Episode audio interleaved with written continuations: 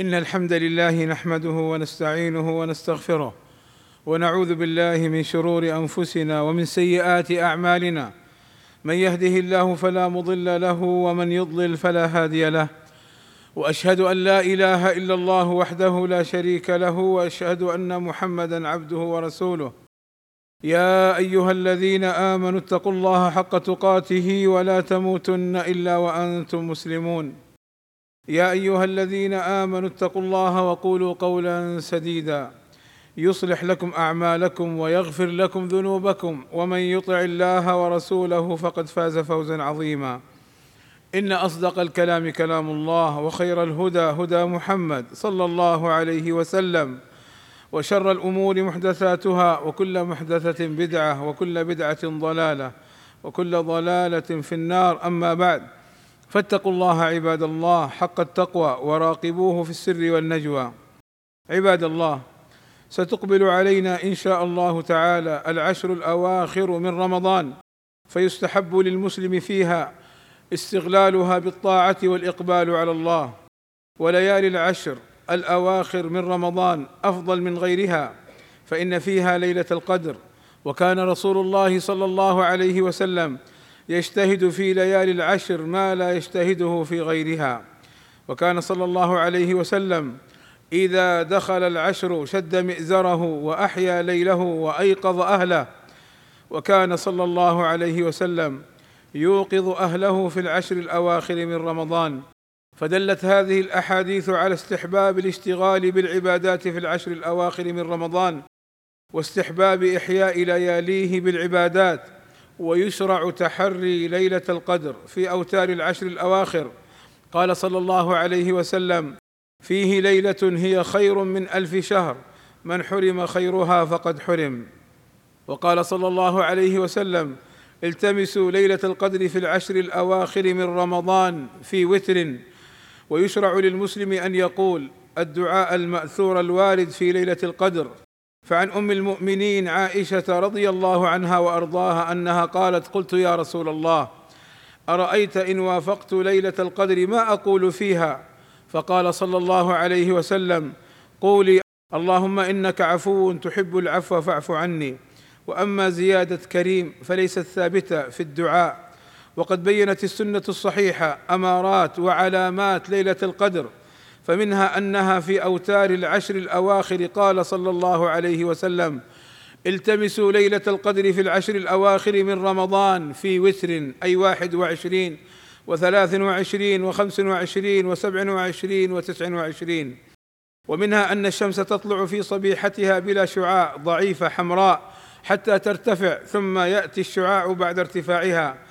قال أبي بن كعب رضي الله عنه إن رسول الله صلى الله عليه وسلم أخبرهم بأمارتها فأمارتها أن تطلع الشمس في صبيحة يومها بيضاء لا شعاع لها كأنها تسطن حتى ترتفع وفي لفظ تصبح الشمس صبيحتها ضعيفة حمراء ومنها أن الملائكة ليلتها أكثر من عدد الحصى في الأرض. قال صلى الله عليه وسلم إن الملائكة تلك الليلة في الأرض أكثر من عدد الحصى ومنها أن ليلتها مشرقة سمحة طلقة لا حارة ولا باردة ولا يرمى فيها بنجم. قال صلى الله عليه وسلم ليلة القدر ليلة بلجة أي مشرقة لا حارة ولا باردة ولا يرمى فيها بنجم. وقال عليه الصلاة والسلام ليلة القدر ليلة سمحة طلقة أي سهلة طيبة لا حارة ولا باردة. تصبح الشمس صبيحتها ضعيفة حمراء. والله أسأل أن يجنبني وإياكم الخطأ والزلل وأن يحفظنا من الفتن ما ظهر منها وما بطن وأن يغفر لنا ذنوبنا وإسرافنا في أمرنا إنه غفور رحيم. الحمد لله رب العالمين والصلاة والسلام على المبعوث رحمة للعالمين وعلى آله وصحبه أجمعين. اعلموا عباد الله أن ليلة القدر متنقلة بين أوتار العشر الأواخر. قال صلى الله عليه وسلم إني أريت ليلة القدر ثم أنسيتها فالتمسوها في العشر الأواخر في الوتر. وقد اخفاها الله ليجتهد المسلم في العشر الأواخر طلبا لهذه الليلة. فيجمع بين كثرة العمل في سائر ليالي العشر الأواخر من رمضان مع مصادفة ليلة القدر بفضائلها وثوابها فيكون جمع بين الحسنيين. وأما حديث النبي صلى الله عليه وسلم التمسوا ليلة القدر ليلة سبع وعشرين فمعناه أنها ترجى ليلة سبع وعشرين وترجى في غيرها كما في الأحاديث الأخرى.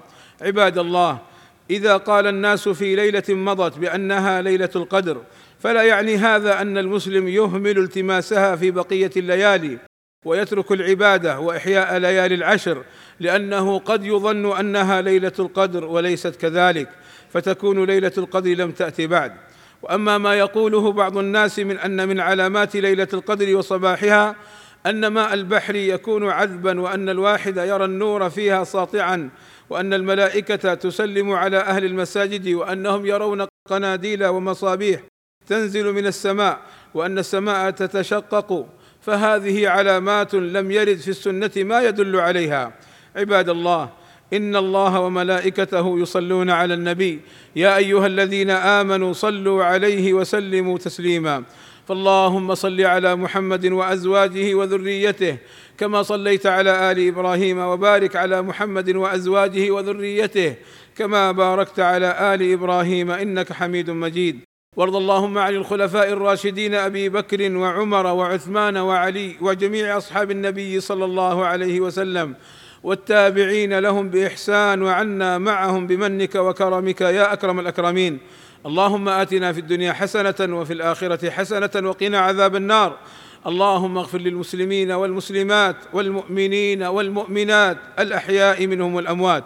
اللهم فرج همومنا واكشف كروبنا ويسر أمورنا. اللهم وفق الملك سلمان ابن عبد العزيز وولي عهده الأمير محمد بن سلمان لما تحبه وترضاه وأصلح بهما البلاد والعباد. واحفظهما من كل سوء. اللهم أيدهما بتأييدك ووفقهما بتوفيقك وأعز بهما الإسلام والمسلمين. والصلاة والسلام على المبعوث رحمة للعالمين وعلى آله وصحبه أجمعين. والحمد لله رب العالمين.